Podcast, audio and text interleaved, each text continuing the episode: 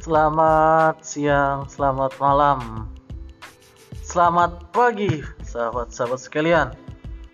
Baik para saudaraku sebangsa dan tanah air, saudaraku semuanya, saya akan membuat podcast untuk menulis untuk menyimpan suara saya saudara-saudara semua kita akan saling belajar komunikasi agar memberikan manfaat bagi kita diri sendiri maupun orang lain.